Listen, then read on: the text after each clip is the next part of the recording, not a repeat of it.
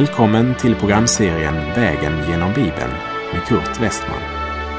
Vi befinner oss nu i Första Korintierbrevet. Slå gärna upp din bibel och följ med. Programmet är producerat av Norea Radio Sverige. Ja, nu har vi kommit till vers 10 i Första Korinterbrevets första kapitel. Paulus tröst när det gällde trossyskonen i Korint, det var att han visste att den Gud som påbörjat verket i deras hjärtan, han skulle också styrka dem ända till slutet. Paulus önskade att se nådegåvorna i funktion i församlingen, men påminner dem samtidigt om att fokuseringen ska inte ligga på gåvorna men på gemenskapen med Kristus. För det är till gemenskap med honom vi alla är kallade. Och Paulus sa, Gud är trofast som har kallat er till gemenskap med sin son Jesus Kristus, vår Herre.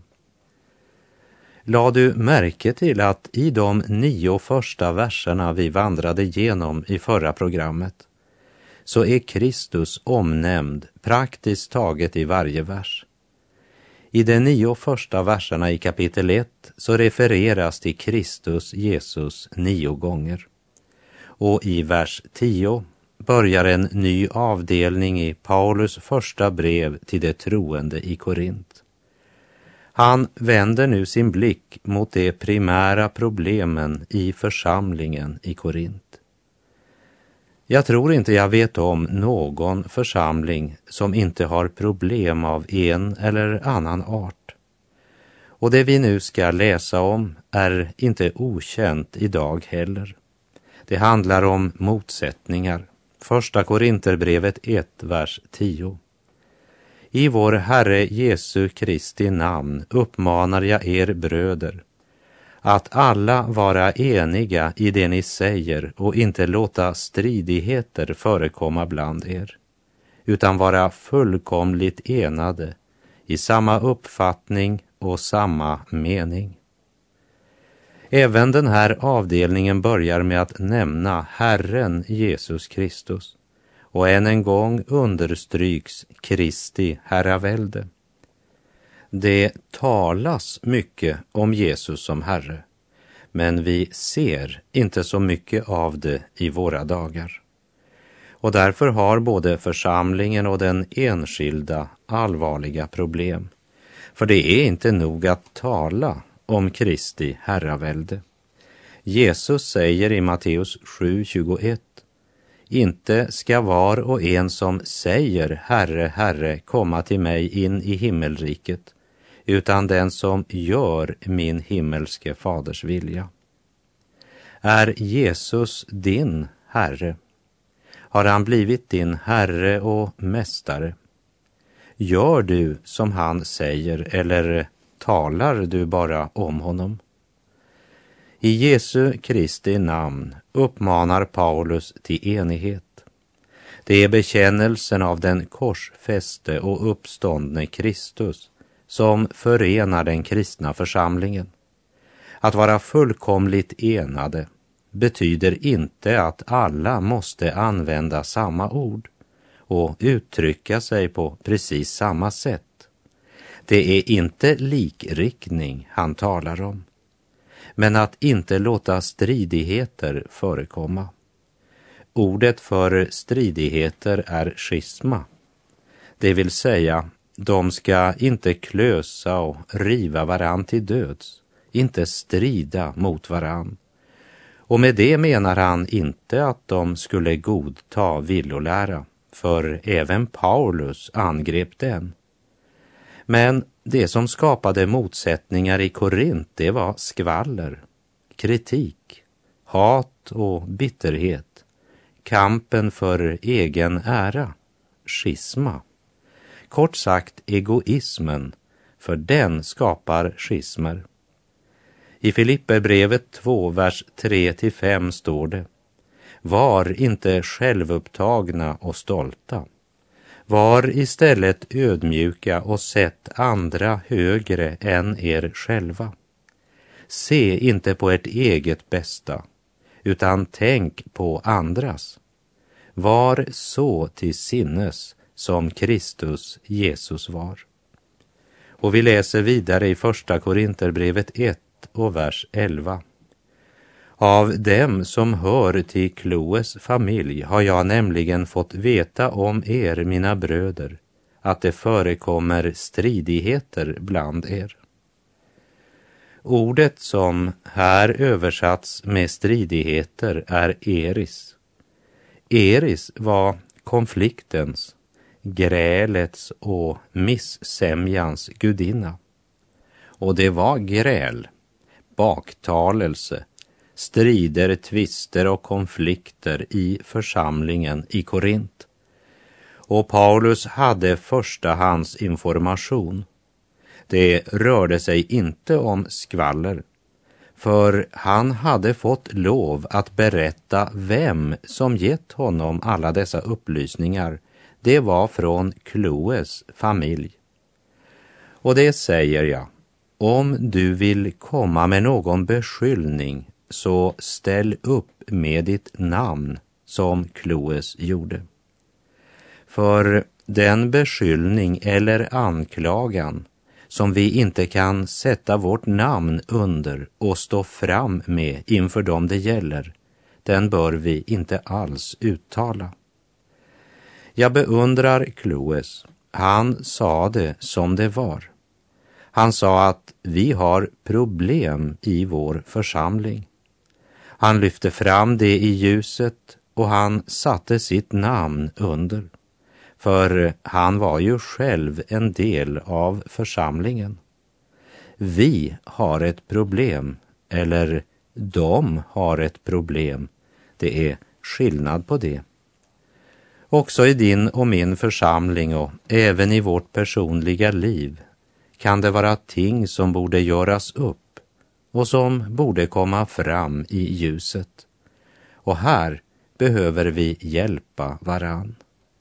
Synd som får härska i församlingen eller i vårt liv är som cancer. Den måste behandlas. När en läkare upptäcker en cancertumör hos en patient, tänk om han då skulle säga, ja, du är inte mera sjuk än någon annan. Så du ska inte bekymra dig, jag ska inte skära i din kropp för vi vill ju inte ge varandra smärta. Och vi vill ju inte oroa, utan hellre trösta och ge frid. Så jag ska bara smörja lite parfymerad bodylotion på det sjuka stället så kommer allt att bli så bra. Ja, patienten hade nog luktat gott men han hade dött i cancer. Cancertumören måste behandlas och även problemen i församlingen och vårt eget liv måste vi ta itu med. Ve den som lyfter fram problemen i ljuset. Men om det inte blir gjort så kommer församlingen att lida. Det kommer den. Problemet i församlingen i Korint var att det var så många spädbarn i Kristus. Och babyer brukar ju skrika en hel del som du vet.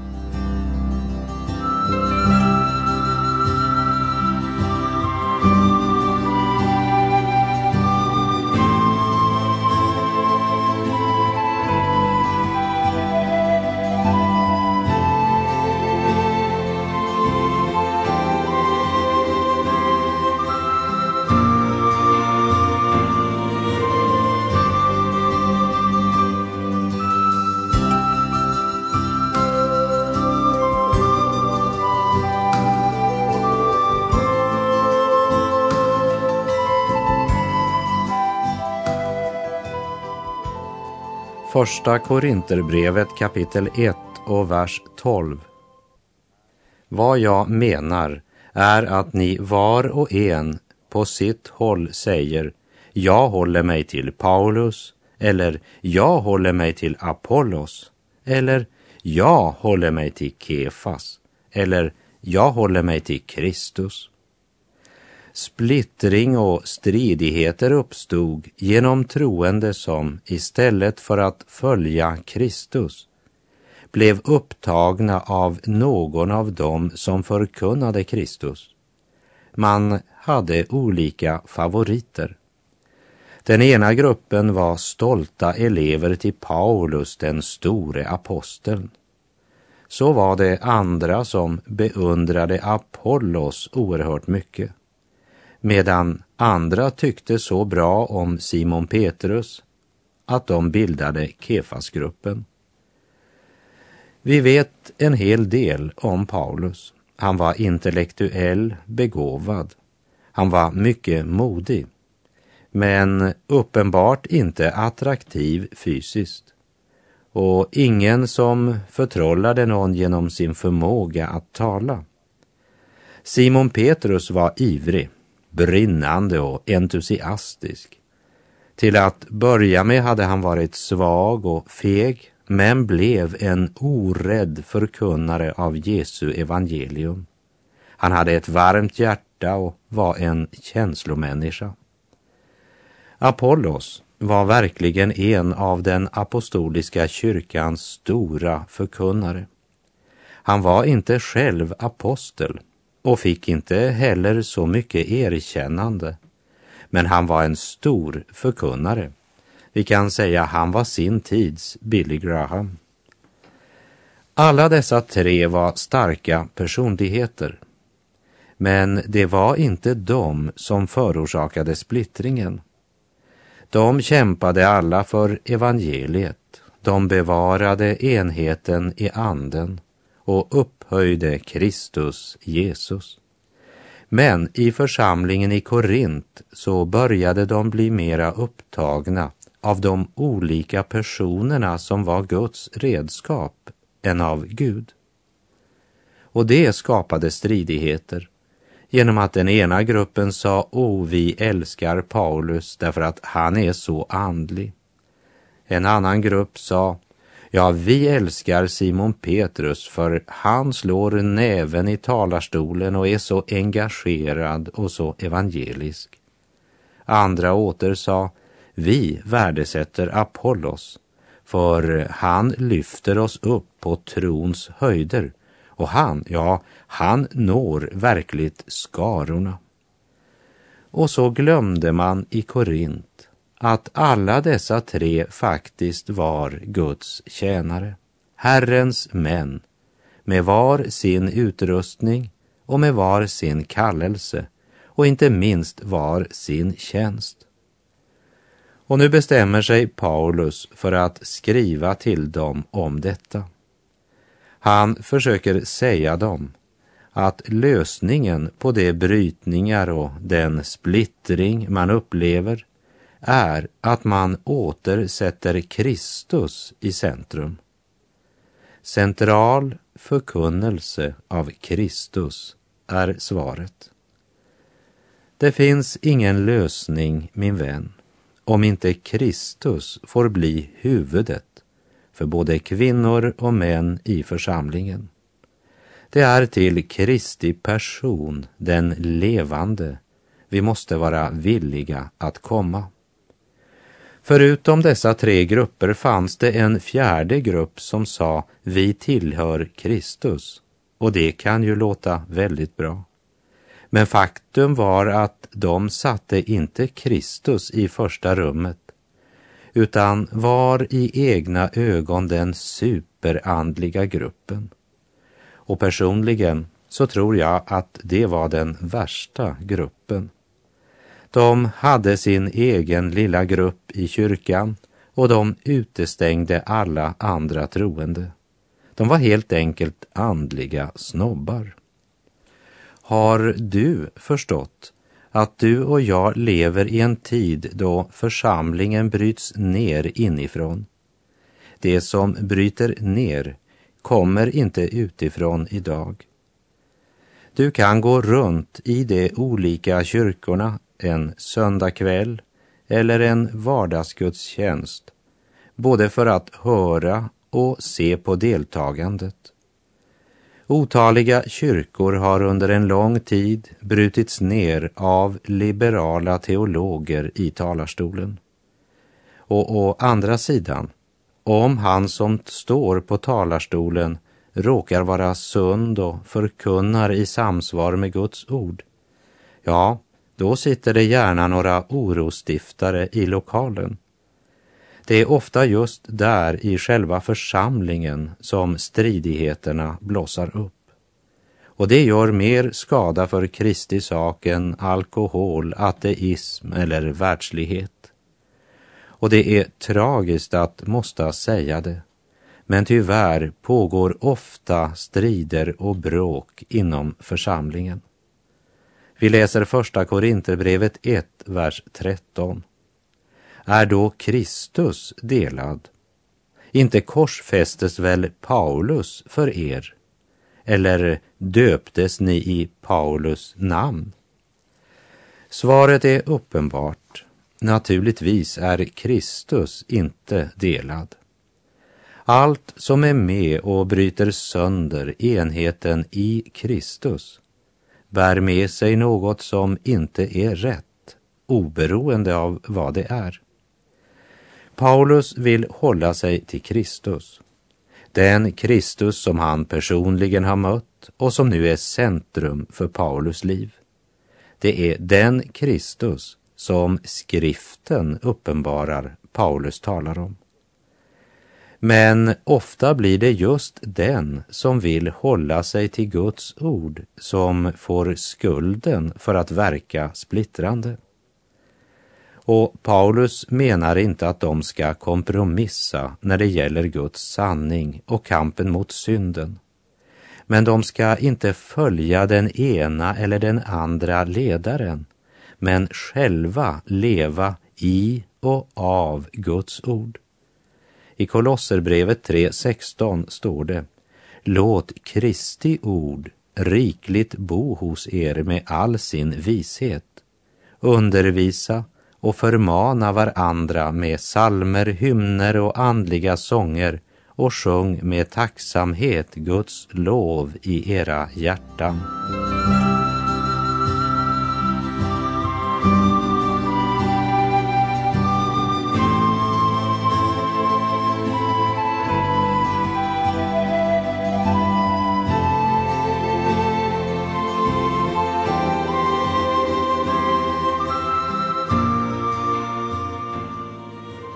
Undervisa och förmana varann, stod det i Kolosserbrevet 3. Men man förmanade inte varann i Korint. Man baktalade hellre. Och istället för att hålla sig till Kristus och leva i ett personligt förhållande till honom så var det lättare att bara följa en av ledarna, följa en auktoritet och med egoismen som kompass så valde man sida istället för att välja Kristus. Och frukten kunde inte bli något annat än splittring och strid. Och därmed gav församlingen i Korint ju ett intryck av att Kristus verkade splittrande eller att Kristus var delad. Och det var det Paulus påpekade i vers 13. Den korsfäste och uppståndne Kristus är klippan som kristen enhet bygger på. Och det är absurd att försöka uppnå enhet på någon annan grund än den korsfäste Kristus Jesus, skrifternas Jesus. Eller döptes ni i Paulus namn? frågar han. Här tror jag faktiskt inte han refererar till dopet i vatten, vilket ju alltid skedde i Faderns, Sonens och den helige Andes namn. Han talar nog hellre om andliga upplevelser och andlig erfarenhet och han frågar, var det i Paulus namn det skedde? Nej, måste de svara. Vi är inte döpta i ditt namn. Paulus försöker leda människans tankar bort från människor och tillbaka till Kristus. Var och en måste personligen möta Kristus och bli gripen och intagen av Kristi person, fyllda av Kristus. Och jag har alltid känt gemenskap med bekännare som möter mig på den korsfäste och uppståndne Jesu Kristi grund. Och den gemenskapen den är helt oberoende av vilket namn hans församling nu måtte bära. Vi tillhör inte en församling eller kyrka. Vi tillhör Kristus. Men vi har funnit vår plats och gemenskap i en eller annan församling och det tackar vi Gud för. Men det som förenar oss, det är en person, nämligen Jesus. Skrifternas Jesus, den som Bibeln uppenbarar. Och han är inte delad.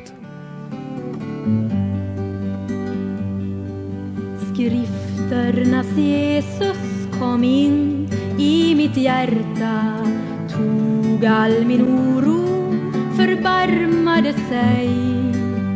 Villigt han bar all min synd och min smärta då han på korsträdet dog just för mig. Villigt han bar all min synd Kristus är inte delad och församlingen i Korint blev inte döpta i Paulus eller Apollos eller något annat namn. Första Korinthierbrevet 1, vers 14 och 15. Jag tackar Gud för att jag inte har döpt någon bland er utom Crispus och Gaius, så att ingen kan säga att ni har blivit döpta i mitt namn. Här är det dopet i vatten han talar om. Och han säger att han har inte ens koncentrerat sig om att döpa eftersom att det fanns en fara för att någon trodde kanske att han döpte i sitt eget namn.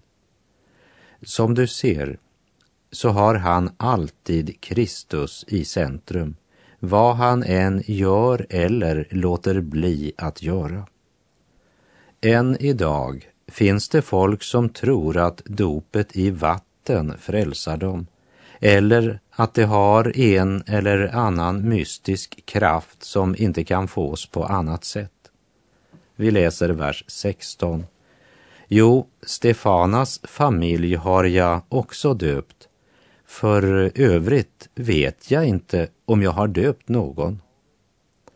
Paulus fäste så lite uppmärksamhet vid dopet att han inte kunde komma ihåg om han döpt några fler eller inte. Paulus var inte ivrig på att döpa, men han var upptagen av att förkunna Kristus. Vers 17. Ty Kristus har inte sänt mig för att döpa, utan för att predika evangelium. Och det är inte med vishet och vältalighet, så att Kristi kors inte förlorar sin kraft. Det är viktigt att vi inser att idag så splittras många och går var sin väg på grund av frågor som inte alls är centrala. Och det skapar trätor, strider och splittringar i församlingen. I Korint var det just sådant partisinne som var problemet. Tre män, Apollos, Paulus och Petrus, hade förkunnat evangeliet. Det evangelium som skulle ha en enande och helande kraft. Och deras förkunnelse fokuserade på gemenskap och enhet, inte splittring. Men eftersom de flesta i Korint var endast spädbarn i Kristus så började de bli upptagna av de olika personerna som var Guds redskap. Precis som någon blir mer upptagen av Guds under än av den Gud som är undrens Gud. Andra blir mer upptagna av Guds ledning än av den Gud som kan leda oss i alla livets situationer. På samma sätt som den omogna, partisinnade blir upptagen av att själv vara något och berömma sig av en erfarenhet eller kunskap som hon inte har. Och då blir hon tvungen att hålla sig strängt till formulerade lärosättningar och lika strängt hålla sig till en eller annan ledare i Guds rike. Och i Korint hade man alltså blivit mera upptagen av vittnet än av honom som vittnet försökte peka på. Det var inte längre Kristus och det personliga livet i honom som var centrum. Nu försöker Paulus att vända deras tankar och deras blickar bort från partisinne och personfixering och till det centrala i evangeliet, nämligen den korsfäste och uppståndne Kristus. När Paulus uppmanar församlingen i Korint att alla vara eniga i det de säger och inte låta stridigheter förekomma, så är det alltså varken andlig kompromiss eller att se mellan fingrarna med villolära han tänker på. Men att de ska vara eniga i sin förkunnelse av de kristna sanningarna så att församlingsmedlemmarnas olika erfarenheter och olika uttryck ska vara med och befästa den gemensamma grunden, nämligen frälsningen i Kristus. Så det handlar inte om att anpassa kristendomen efter den världsliga uppfattningen eller efter tidsandan. Och det handlar inte heller om att tolerera synd mot den helige Gud. Och Paulus gör det klart att det inte gäller att kunna engagera massorna och riva med sig folket, utan det gäller att predika korsets evangelium. Men korset blir bara ett tomt kors utan en ställföreträdare som är korsfäst för oss. Och så säger han i vers 18, till detta budskap om korset är en dårskap för dem som blir förtappade, men för oss som blir frälsta är det en Guds kraft. Och där är vår tid ute för den här gången. Så ska vi i nästa program fortsätta vidare från vers 18 och se att samtidigt som korset förenar och skapar enhet så är det ingenting som kan skilja människor som just korset. På återhörande om du vill. Herren vare med dig, må hans välsignelse vila över dig. Gud är god.